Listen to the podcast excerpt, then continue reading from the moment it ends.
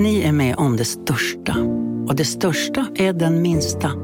Ni minns de första ögonblicken. Och den där blicken gör er starkare. Så starka att ni är ömtåliga. Men hittar trygghet i Sveriges populäraste barnförsäkring. Trygg Hansa. Trygghet för livet.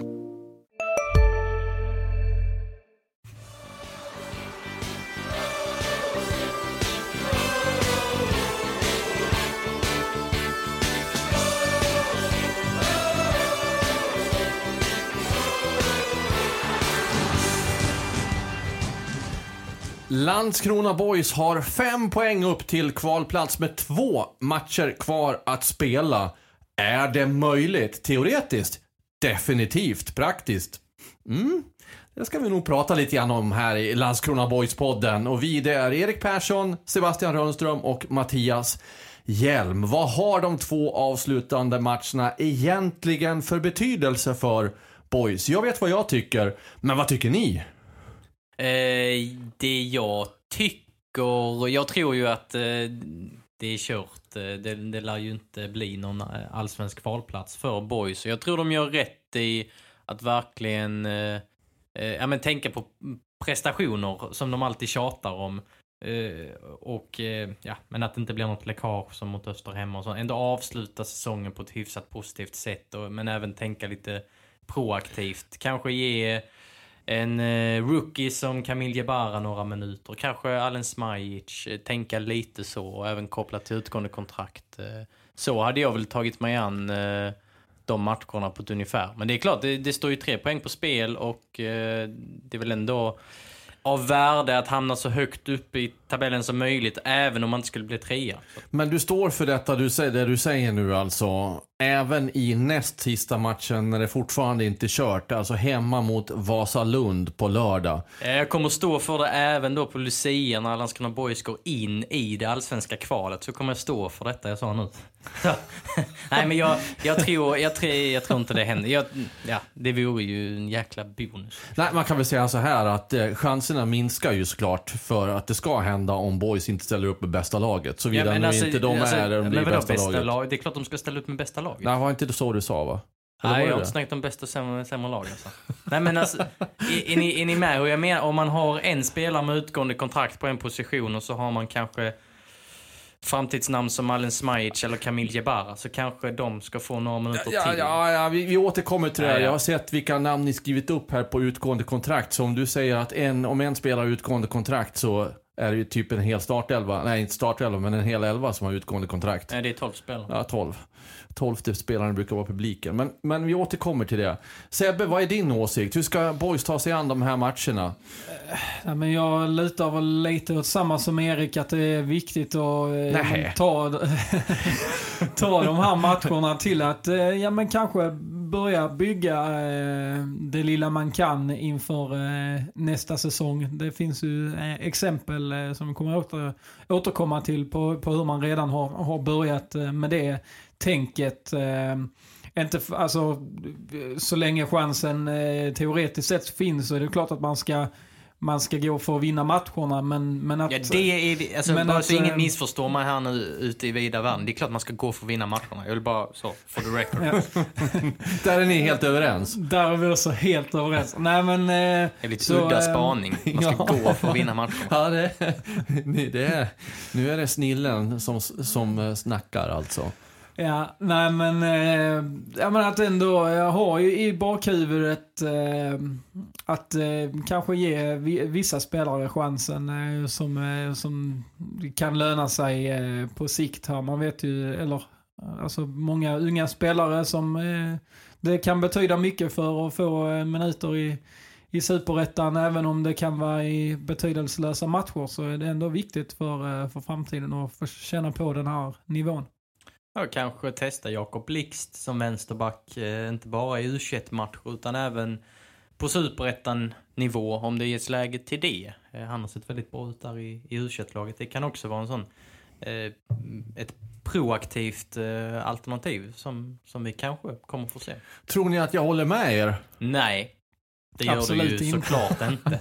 Nej, det gör jag faktiskt verkligen inte. Jag tycker det är tveklöst så att till den här matchen så ska man ta ta den absolut starkaste startelvan man bara kan hitta.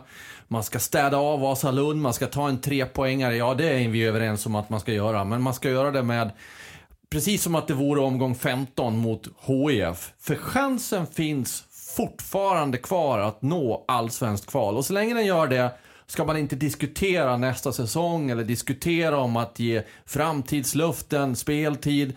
All in på den här matchen. Okej okay, om det är kört till sista matchen, då kan man tänka annorlunda. Då kan man tänka som ni gör. Men jag tycker det är faktiskt ganska korkat att resonera som ni gör.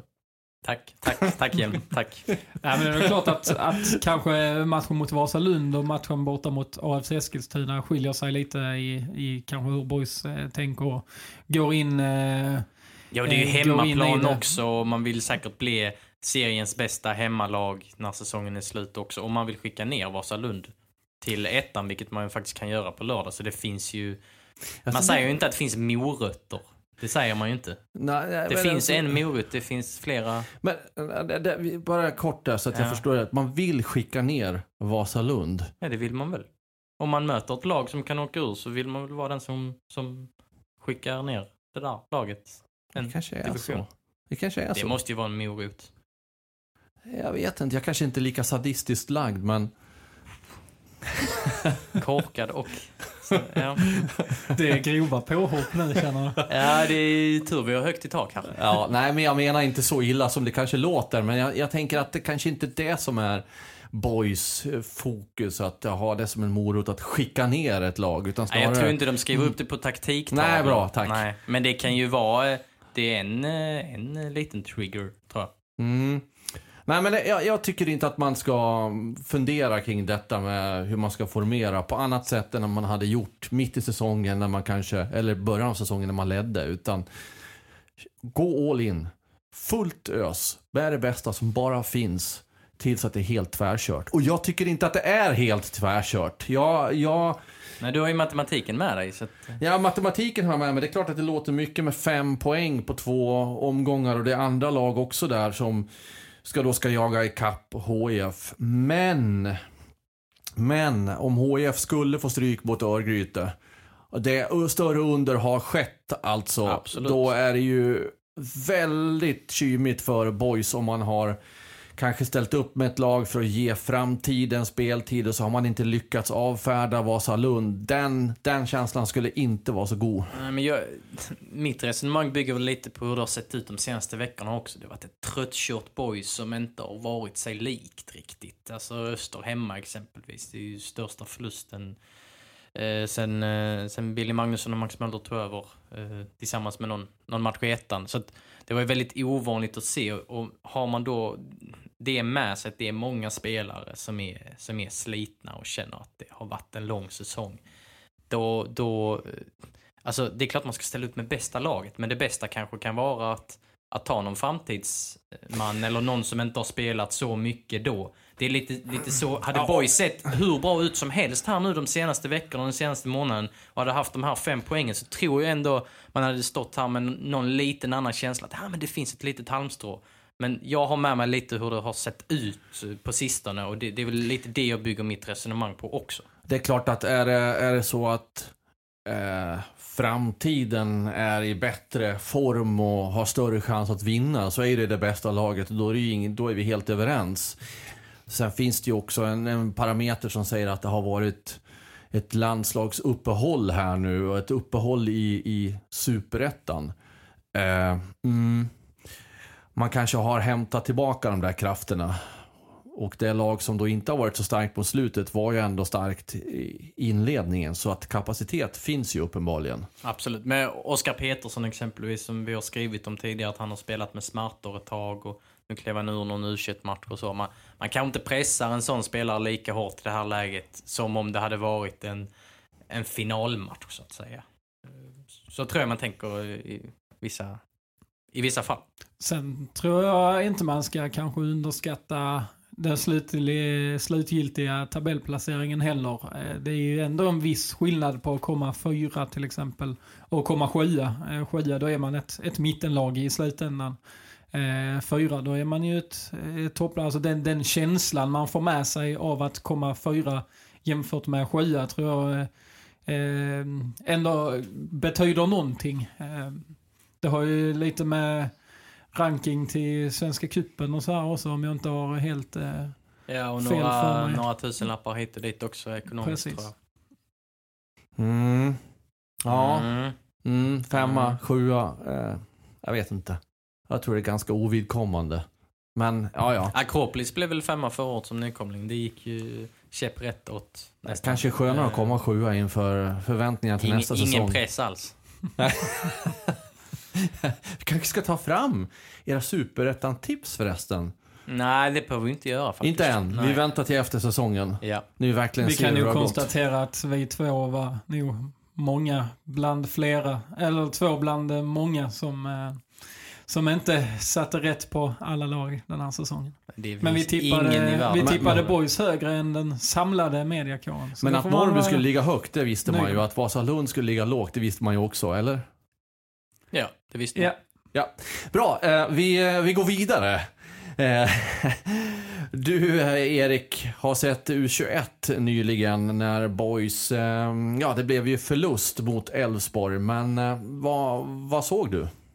Ja, jag såg eh, kvartsfinalen mot Degerfors veckan innan. Eh, från vår tv-sändning och sen så var jag på plats och såg Elfsborgsmatchen här och Boys har ju ställt upp med starka lag i båda matcherna. Ehm, U19-lagets skyttekung Osama Katab eh, var den enda junioren som startade nu mot Elfsborg. Han fick 90 minuter. I övrigt så var det A-lagsspelare, det var några A-lagsspelare som kom in från bänken och så. Ehm, där eh, Boys gjorde en jättebra första halvlek och Passy Prudence som inte alls har haft en lätt säsong var, var väldigt bra på mittfältet. Filip Olsson var bra också. Filip Ottosson såg väldigt intressant ut i nummer 6-rollen, alltså i Somar Almadjets eh, sittande mittfältsroll. Um, och eh, Jakob Blixt fick sin andra eh, match eh, i rad som vänsterback.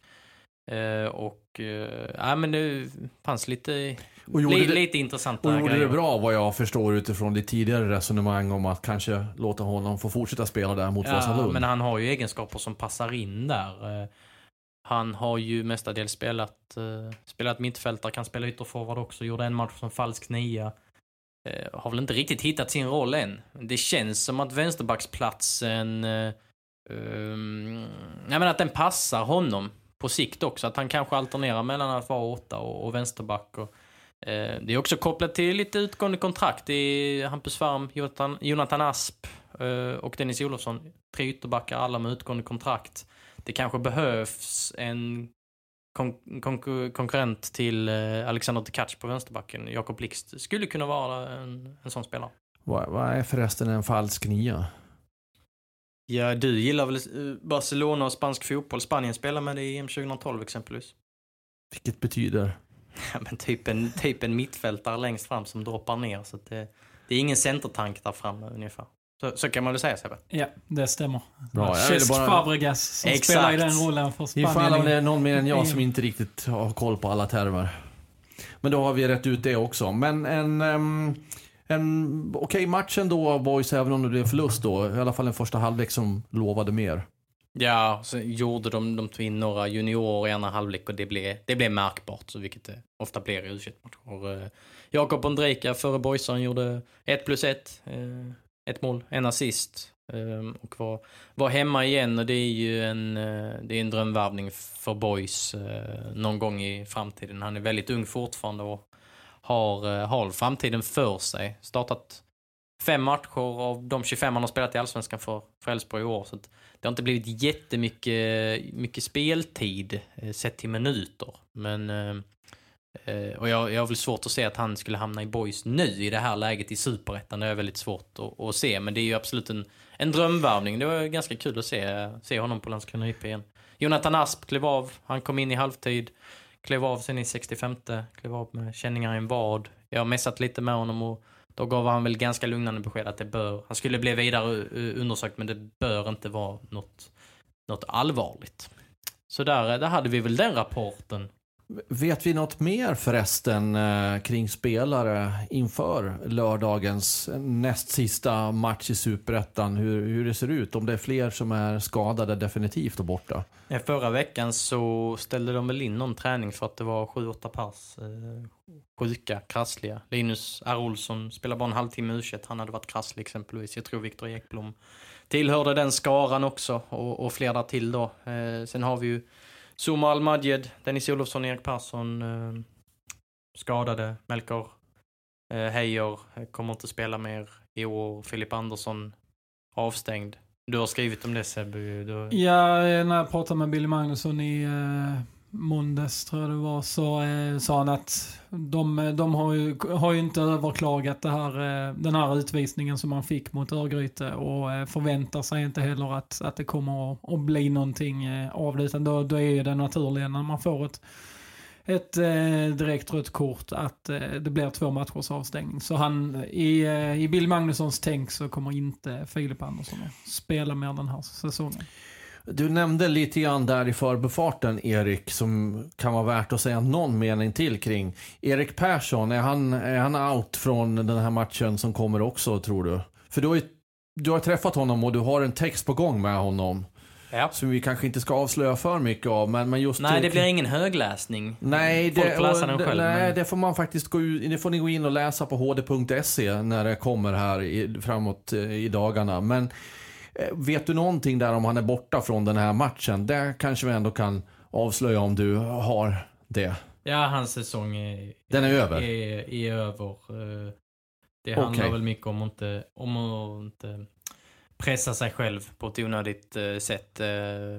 Det, det kommer nog för, liksom falla en del bitar på plats när man läser det. Ja. det. Vi har ju pratat om det här mysteriet under säsongens gång, varför han inte kommer tillbaka. Det handlar ju bara om en om en bristning i baksida av ett lår som brukar ta en, en månad ungefär, lite drygt. Det har tagit åtta månader. Eh, men det kommer lite förklaringar i texten så att, eh, och Billy Magnusson har också pratat i det här ämnet i en annan text. Det kommer komma ut eh, i dagarna, någon gång innan, innan matchen på lördag är, planen. Så att, men han, han kommer inte spela. Nej, han landar på fyra superettan-inhopp i år. Ja, mycket jobbig eh, säsong för Erik Persson. Eh, men du nämnde också Melker Hajer. Hajer? Hejer eller Hajer? Ja, just det, den frågan har jag frågat eh, ja, du har det. honom eh, om... Eh, säger man Hajer eller Hejer? Och som jag gissade på också så var det dialektalt. Han sa att han hade några släktingar i Göteborg som sa Hejer och, och, och många andra säger Hajer. Så att, eh, men, man men, får väl välja lite själv. Det är ungefär som i, om man säger haj eller hej. Så i Skåne är det mer eh, rimligt att säga hajer? Ja, kanske det. Jag är ju, jag är ju skåning, men jag har sagt hejer hela tiden. Så eh, det är kanske fel på mig då, men eh, Melk, Melker Heijer gav, vi, vi, gav tillåtelse att säga lite hur man vill. Ja. Vi kan kolla med en annan skåning, Sebbe, hur han säger. Hajer eller hejer? Ja, det, är, det är hajer som gäller va, för mig. Va, va, det var Haj, något mittemellan. Hajer. Hajer. Alltså som, eh, som eh, vattendjuret haj. Hajer. Hajer. För du gillar ju att säga haj. Haj, haj. Ja, precis. Sebbe sa precis när vi gick in här att han kan inte säga, han kan inte uttala ordet hej. Vilket var den första svensk jag har hört säga det. Ja, det är ju svårt att säga det på ett, eh, på ett rimligt eh, på ett, sätt faktiskt. På ett rimligt sätt? Det, det är nog mig det är fel på, men, eller ja, det, ja, det är det uppenbarligen. Men, eh, men så är det faktiskt. Men då föredrar du haj, hajer? Hajer. Ja. Eh, vi får väl se då, men nu vet ni det. Så att blandar vi hejer och hajer så är båda rätt. Och jag, eh... Men min fråga var ju, var, är han borta? Det var det som jag tänkte komma till. Ja, det har ju eh, Sebbe skrivit om också att de, eh, han har börjat bygga upp sig inför eh, resten av säsongen. Hans röda kort mot Örgryte renderade ju en avstängning och det var ju helt rätt. Det var, det var ett rött kort. Ehm, så jag ringde upp Melker Heijer och frågade hur den här uppbyggnadsfasen inför 2022 ser ut och han svarade så här jag har ju kört på. Jag gjorde ju comeback mot eh, Trelleborg och så eh, innan dess så testade jag lite och så sen så eh, testade jag att spela på eh, Coxib. Det är en antiinflammatorisk eh, piller som eh, då jag har tagit nu i tre, fyra veckor. Sen var tanken att jag skulle vara borta från de här pillerna i en vecka. Ha ett litet uppehåll där och sen eh, då eventuellt börja igen. Men nu blev jag ju avstängd eh, mot Örgryte och så slutade jag ta det då mot Örgryte eh, och skulle träna på måndagen och fick väl gå av på måndagen tror jag för det börjar kännas igen i, i ljumsken.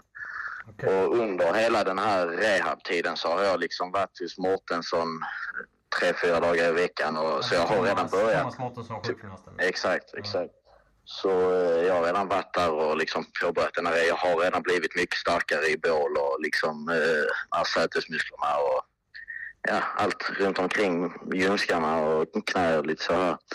Så eh, den resan har redan börjat. Men eh, så sa vi att eh, antingen så fortsätter jag äta de här pillerna och pushar för att kunna vara med i U21 eller så påbörjar liksom, eller jag fortsätter liksom min rehab och försöker komma så bra, i så bra form som möjligt inför nästa säsong. Mm. Är det just liksom bollstyrkan, det, det är liksom fokus nummer ett? Är det något annat du, du liksom behöver göra rent fysiskt under vintern här? Ja, det är bara att bygga på mig lite. Det är ju bål, ljumskmusklerna hänger ihop med bål, magmusklerna som sitter längst ner mot eh, blygdbenet och sen så sitter ljumskmusklerna ihop med muskler som sitter inne i rumpan också på tre olika fästen på vardera sida. Så det är liksom eh, mus alltså övningar för att jobba med de musklerna samt musklerna runt omkring. Liksom. Så det är mycket, mycket i dragmaskin liksom med ljumske, att man får benet vänster och höger liksom. Och mycket, mycket bollträning. Vi är specialister på det vi gör, precis som du. Därför försäkrar vi på Swedea bara småföretag, som ditt. För oss är små företag alltid större än stora och vår företagsförsäkring anpassar sig helt efter firmans förutsättningar. Gå in på swedea.se företag och jämför själv. Dagens vinnarprognos från Postkodlotteriet. Postnummer 65209, klart till halvklart och chans till vinst. 41101, avtagande dimma med vinstmöjlighet i sikte. Övriga 10 500 postnummer soligt och möjlighet att vinna. Oavsett när sommaren kommer till dig så kan du och dina grannar få dela på 48 miljoner i sommaryran. Ta chansen nu i maj på Postkodlotteriet.se. Åldersgräns 18 år. Kontakta stödlinjen om du eller någon anhörig spelar för mycket. Sen vill jag också eh, träna mer eh, explosivitet så jag blir lite snabbare och Sen också kondition så jag orkar springa längre liksom. Så det är främst det. det. Det, är en del att göra helt enkelt? Eh, för, ja, en del att göra. Men, ytterligare. Ja, men jag är en bit på vägen faktiskt. Melker Hajer är ju tveklöst en av de byggstenarna som Boys kommer att ha i framtidens lag, om man kan uttrycka det så, redan kring 2022. Han har ju haft en mycket lovande utveckling under den här säsongen. Eh, så Melker Hajer och ja, hur ser truppbygget ut i övrigt? Framtidsbygget? Ja, det är, om man stannar kvar lite snabbt där vid Heijer så tycker jag att Boys gör helt rätt i det här att, att börja bygga. För det är ju en, en potentiell eh, försäljning eh, i Melker Heijer i, i framtiden. Han eh, är ju har ju spännande kvaliteter som jag är säker på att många klubbar eh, följer eh, och uppskattar. Så, eh, så där gör ju Boys rätt i att lägga krutet på att eh, stärka upp honom och eh, se till att han eh, att han kan ta ytterligare kliv nästa säsong. För det är ganska mycket som är, är oklart får man ju säga om eh, Boys eh, bygge inför nästa säsong eh, många, många spelare med utgående kontrakt, 12 stycken alltså. Och ehm, flera spelare också som, som är på samma position här. Så det är ju några, några brickor i, i spelet som, ehm, som behöver, ehm, ja, man behöver hitta lösningar på till, till kommande säsong. Det är ju verkligen intressant i alla lagdelar. Amor Kadura, målvakten, har utgående kontrakt. Frågan är hur Boys, Boys gör där. Tre ytterbackar har vi nämnt. Sen är det fyra centrala mittfältare, Emil Jönsson, Pasi Prudence, Måns Ekvall, Zuma Almadjed. Och så har Boys några utgående kontrakt på forwardsidan också i Robin Hofsen, Niklas Nielsen och, och Kevin Jensen. Luka Petrovic eh, har gjort sitt i, i Boys. Även om det inte är officiellt kommunicerat så förstår ju alla det. Så att, eh, det är verkligen i, i, alla, i alla möjliga hörn av den här truppen som, som det finns lite, lite luckor att fylla. Vi kan väl nämna eh, vilka, vad de faktiskt heter, de där ytterbackarna också. Dennis Olofsson, Jonathan Asp och Hampus Färm. Men eh, eh vet ni någonting om hur Boys, Bill Magnusson, Max Muller resonerar här? Vilka som de jobbar hårdast på att behålla av alla dessa tolv spelare? Uh, nej, alltså det är ju lite intressant. Tidigare, förra om åren, har ju säsongen ofta slutat i början av november. Uh, ofta har, har ett, liksom kontrakten gått ut kanske sista november då, vissa sista december. Nu är det en del kontrakt som går ut sista november. Uh, det är tre dagar efter sista matchen. Och det är ju ganska svårt att säga till en spelare att vi har bestämt oss för att eh, inte behålla dig. Men du måste ge allt nu eh, i de sista matcherna. Det är ju en liten svår avvägning här. Så jag, eh, vad jag har hört så har de inte gett, eh, de har kanske gett någon spelare något framtidsbesked men, men inte Passy Prudence exempelvis som man, som man ju definitivt stoppar in i facket där, man, där jag tror att han kommer inte stanna. Han har inte fått något besked än. Eh, exempelvis. Så att, eh, det, de har en del att göra. Det blir nu några intensiva dagar många, många samtal där den veckan efter eh, sista omgången. Men, men, men vänta nu, eh, bara så att du förklarar en annan sak för mig som är allmänt trög så. Du sa nu att vissa kontrakt går ut tre dagar efter sista matchen. Ja, sista november. Sista men, matchen är 27 Men vad händer november. om Boys skulle gå till ett kval? Då får man förnya dem. Det hände ju exempelvis med eh, Ljungskile, där Andreas Morbäck spelade förra året. De mötte Degerfors i sista omgången, eh, en liten bit in i december. Då var, var det ett gäng spelare som inte var med i den matchen eh, för att deras kontrakt hade gått ut. Vissa valde att förlänga det, andra gjorde det inte. Så det... ja. Sen, sen vet jag inte exakt hur det ser ut i boysland, vilka som har liksom året ut och vilka som har november ut. Men om jag förstått det hela rätt så, så är det vissa som har november ut och vissa har december ut. Men det kanske är en läropeng för framtida kontrakt att skriva på helår och inte efter november med tanke på att fotbollssäsongerna blir allt längre. Och ja, men det, blir kanske... ju också, det är ju också en pandemikonsekvens. Det är ju därför eh, säsongerna har blivit eh, ja, men, eh, förskjutna framflyttade så att säga. Så att, sen, eh, men absolut inte... framöver så kan det ju bli så. så att, men det är en ekonomisk fråga också. Sen tror jag inte det är världens grej att ja, förlänga det i två veckor om det skulle behövas. Jag tror det, det det handlar ju om försäkringar och, ja, och sådana bitar också. Det är nog ganska enkelt eh, gjort. Om man, eh, om, om, det, om man hamnar i den situationen så, så löser det nog sig vad det lider. Men det löste sig inte i alla fall förra året. Så eh, en eh, intressant eh, situation om det nu mot förmodan skulle ske. Eh, definitivt. Sen är det väl också så, om det skulle ske, att ganska många av spelarna, förmodligen varenda en, skulle vara rätt sugna på ett allsvenskt kval. Det hade varit intressant att tacka nej till det. Ah, det, det I och för sig, skulle de gå ihop och säga att ah, vi vill nog ha lite högre lön här om vi ska ställa upp, då blir det lite halvjobbigt för, för boys. Men vi är inte där än. Först ska vi gå till ett kval för att det överhuvudtaget ska eh, bli en fråga som är aktuell. Eh, men vad tror ni då? Vad tror ni själva, även om ni inte vet? Vilka, eller vilka skulle ni vilka tycker ni att eh, Boys borde lägga det mesta av krutet på av de här namnen? Eller det kanske ni inte har någon syn kring? Ja, så om man tänker de här tre ytterbackarna så alla de tre kommer ju inte att stanna. Eh, kanske en av dem eh, skulle jag tro. Eh, vem det då blir, då får man resonera liksom utifrån vad man vill ha. Man får tänka ålder och så vidare. Jonathan Asby en av de mest rutinerade spelarna i truppen. Eh, en av de mest meriterade spelarna i truppen. Eh, Hampus Farm har ju framtiden för sig på ett annat sätt. Dennis Olofsson har ju inte varit eh, särskilt het den här säsongen och är väl någon slags i ett mellanläge där sett till ålder och, och så vidare. Så, det finns ju uppsidor och nersidor med, med alla tre. Eh, Hampus Farm är en som fortfarande försöker hitta sig själv i den nya rollen som han har fått. Eh, men där, där finns ju intressanta eh, kvaliteter eh, som man kan, kan bygga på på sikt. Eh, men jag tror inte att alla tre eh, eller ja, alla tre kommer inte bli kvar. Så, så enkelt är det.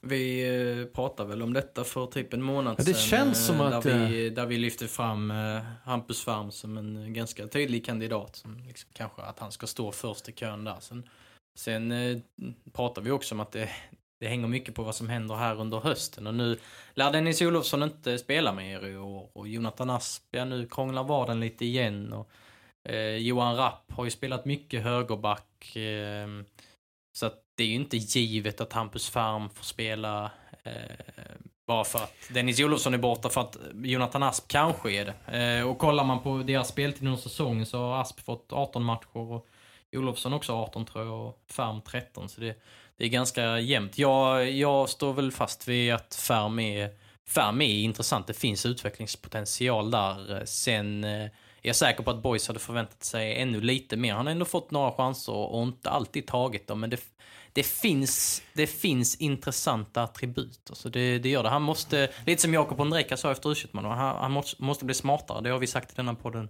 många gånger. Det, det är lite speluppfattning och sådana grejer och, och, och en lite vassare inläggsfot. Sen så finns det jättemycket i honom som skulle kunna passa i den rollen. Du har helt rätt i att vi har ju gått igenom den här listan tidigare för inte allt för länge sedan. Så vi ska inte göra en, en repris på det. Men det är mer utifrån om det har hänt någonting den senaste månaden som gör att boys kanske flyttat fram positionerna mot någon eller att ni har sett sett någon spelare som att ah, nej, men nu har jag stärkt mig min uppfattning eller ah, det, nu har jag ändrat mig, det här, man borde nog gå på det här spåret. Om det finns något sånt. Det är snarare så att det känns som att det är, det är några spår som har svalnat. Emil Jönsson-spåret kändes ju hett där ett tag när han kom från ingenstans, eller rättare sagt från IFK Malmö och fick starta matcher. Såg ganska bra ut. Sen har det, sen har det blivit mest speltid i IFK Malmö på sistone. Eh, Passi Prudence har, har, eh, inte fått speltid på över två månader. Måns Ekvall har, har varit eh, åsidosatt ännu fler gånger och Niklas Nielsen har inte varit med i alla trupper. Och, och, och så den här skadan på Dennis Olofsson och Jonathan Asp lite in och ut, Hampus Färm lite in och ut. Eh, Kadora tappade sin plats, tog tillbaka den. Robin Hoffs, eh, var har man honom? Och sen Kevin Jensen och Zoom Almadjed som vi har pratat om så länge. Vi får inte fastna där kanske, men de är ju någonstans i en egen kategori eftersom de jagas av, eh, av eh, liksom, större klubbar. Sådär. Så att, jag vet inte. Det, det, det känns som många spår har, har svalnat. Men ett spår som kanske har hettats upp är en spelare från Stockholm. Ja. Yeah. Osman Diawara. Eh, ja men precis. Eh, vi har ju skrivit lite om honom tidigare och eh, pratat om honom också. Duktig målskytt va? 22 mål på 25 matcher. Det skulle jag karaktärisera en ganska duktig målskytt. Ja, i ett topplag i, i division 2. Gustav Lindgren har också gjort 22 på 25. De provtränar i en eller provspelar i en u match för, för en tid sedan. Och det kom ju ut en tweet Eh, häromdagen som där det stod att Osman Diawara är klar för boys. Det var ett nyskapat Twitterkonto, det var bara en tweet i den och det var inte många följare. Och, ja, man får ju ta det med en nypa salt. Jag har kollat upp lite här och det, det, det, det ska inte vara något kontrakt signerat. Men boys är alltjämt intresserade av både Osman Diawara och, och Gustav Lindgren. Sen är väl inte deras säsong helt slut heller. Och, eh, och så. Men det, det ska, enligt det jag har hört i alla fall, så ska det inte vara något signerat. Karlberg har väl fortfarande chansen på, på division 1, eh, eller på ettan. De är tvåa i sin, i sin tabell där. Så att, eh, ja, då har vi kanske rätt ut det. Men de är fortfarande av intresse. Och det är också då kopplat till forwardsituationen. Robin Hofsen, Niklas Nielsen, Kevin Jensen. Det är ingen slump, som vi har sagt tidigare, att boys kollar just efter forwards. Nej, och, och sett till den digra listan på övriga positioner så är det ju garanterat så att det är en del oskrivna och onämnda namn som finns med i leken hos Billy Magnusson och Max Möller som vi inte vet vilka de är. Men säkert i ungefär samma kategori, eh, fast på andra positioner. från någon klubb, några klubbar runt om i Sverige. Det ska man ju inte bli förvånad över om det dyker upp här inom inte allt för lång tid. Nej, så är det ju. Eh, med tanke på alla utgående kontrakt så lär väl Boys behöva förstärka i ja, alla lagdelar. Eh, och det ska ju bli intressant att se vilken väg man väljer att gå där. Eh, nu när man har visat sig kompetenta nog att hänga på i toppen i Superettan så lär väl målsättningen höjas inför nästa säsong. Sen om det är att de ska gå upp i Allsvenskan eller om det är att med att man eh, ska i alla fall eh, vara mer än att hålla sig kvar i, i superettan. Eh, det vet jag inte men det ska ju bli intressant att se hur man tar sig an det. Fortsätter man hålla fast vid sin strategi till 100% det här med att att plocka spelare från lägre divisioner, förvandla dem till, till guldkorn. Ehm, eller ehm, tar man och eh, kanske plockar från eh, några, något snäpp högre upp på hyllan. Ehm, det blir eh, intressant att se. känslan är väl att det åtminstone kommer komma något nyförvärv som, som inte är född i Skåne i alla fall. Det är väl där, där kan man väl börja och sen så får man väl se vilken väg man väljer. Det är väl möjligt att det blir någon slags mix. Kanske någon någon spelare från lägre divisioner, någon, eh, någon man kanske plockar från ja, superettan eller någon allsvensk, ja, något sånt. Du tänker uh, ungefär att göra om uh, en, en, en ny Andreas Murbeck, alltså den typen av värvningar? Ja, Murbeck är väl en, är ju en, en sån lite mer om man tänker, han kommer ju från, från ett lag som spelade i Superettan förra säsongen så fler, eh, kanske den kategorin som behövs för att, eh, för att man ska kunna ta ytterligare eh, kliv uppåt. De, de har ju haft stor framgång med att plocka från lägre nivå men ibland kanske det behövs lite mer meriterat också för att för att eh, ta, tar man fem spelare från lägre nivå så ska man ju vara nöjd om, om två av dem blir riktigt lyckade. Eh, så det blir en intressant balansgång där.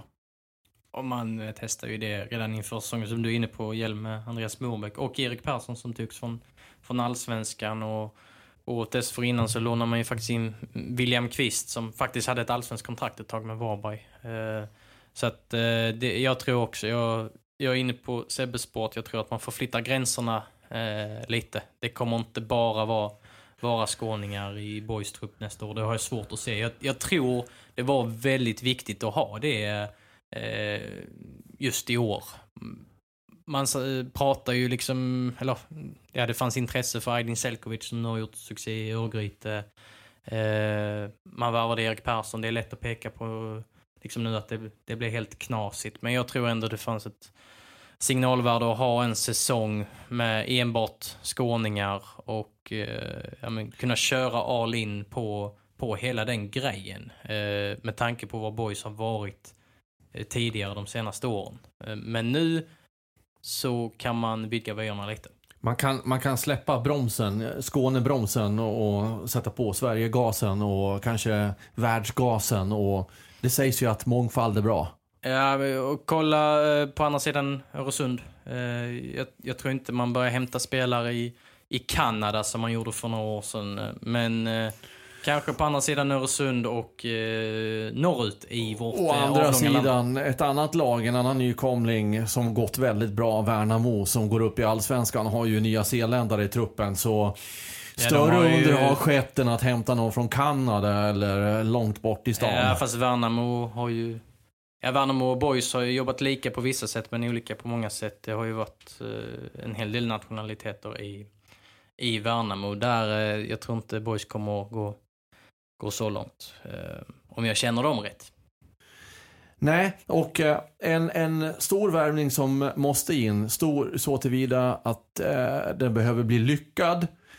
Sen om det är ett, ett större namn från eh, högre nivå eller lägre nivå, inte lika stort namn, men, men där träffbilden blir väldigt väl, det är ju att ersätta Somar Almadjad om han nu inte blir kvar eftersom han har haft en sån pass viktig roll.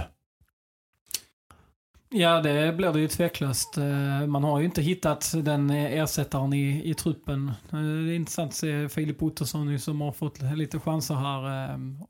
Om han kanske kan vara aktuell för att, för att kanske kunna ta den platsen. Man har ju Melker Heier och Filip Olsson som, som båda känns som startspelare också. Så det är ju inte helt eh, alltså omöjligt att man eh, söker den ersättarna i truppen. Men, men ja, Otto in... som blev värvad till Västerås för några år sedan som defensiv mittfältare ja. ska vi med oss också. Men han vill väl inte spela där egentligen?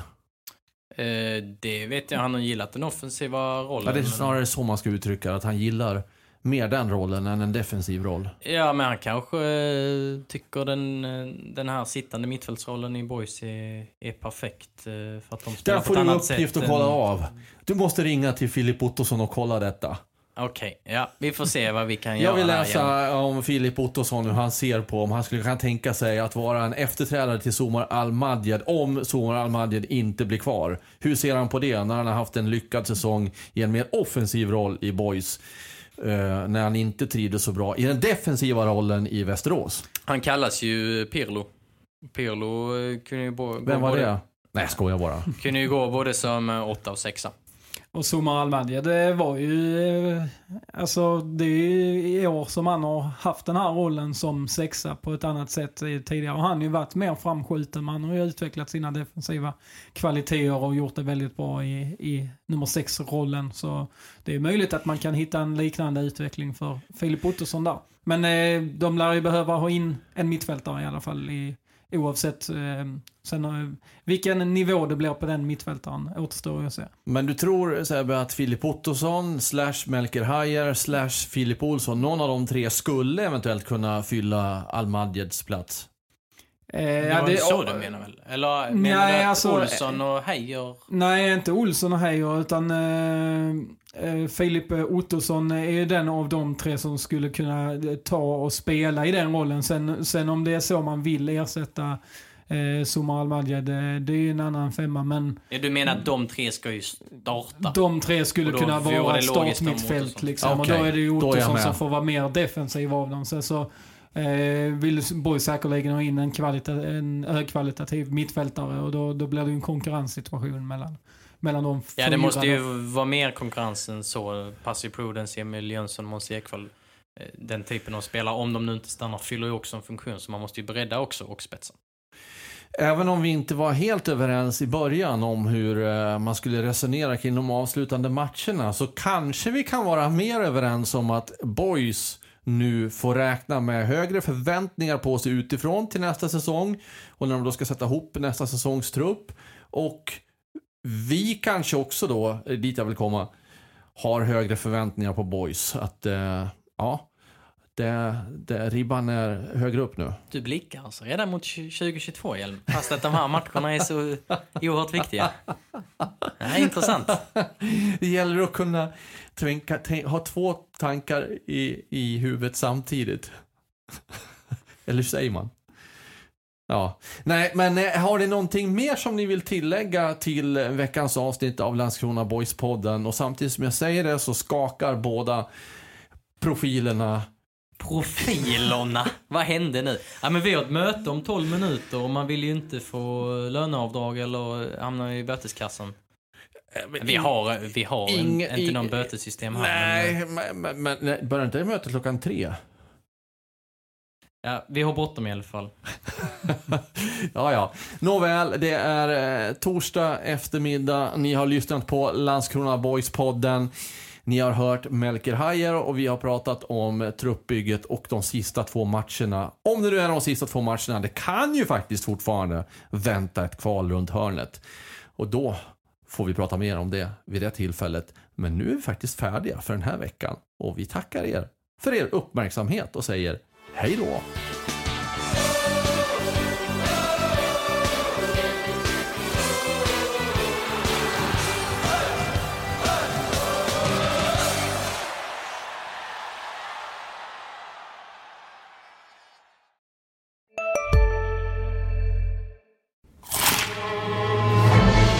Upptäck det vackra ljudet av McCrispy Company för endast 89 kronor.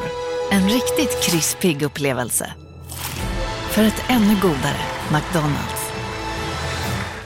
Hej, Synoptik här. Visste du att solens UV-strålar kan vara skadliga och åldra dina ögon i förtid? Kom in till oss så hjälper vi dig att hitta rätt solglasögon som skyddar dina ögon. Välkommen till Synoptik.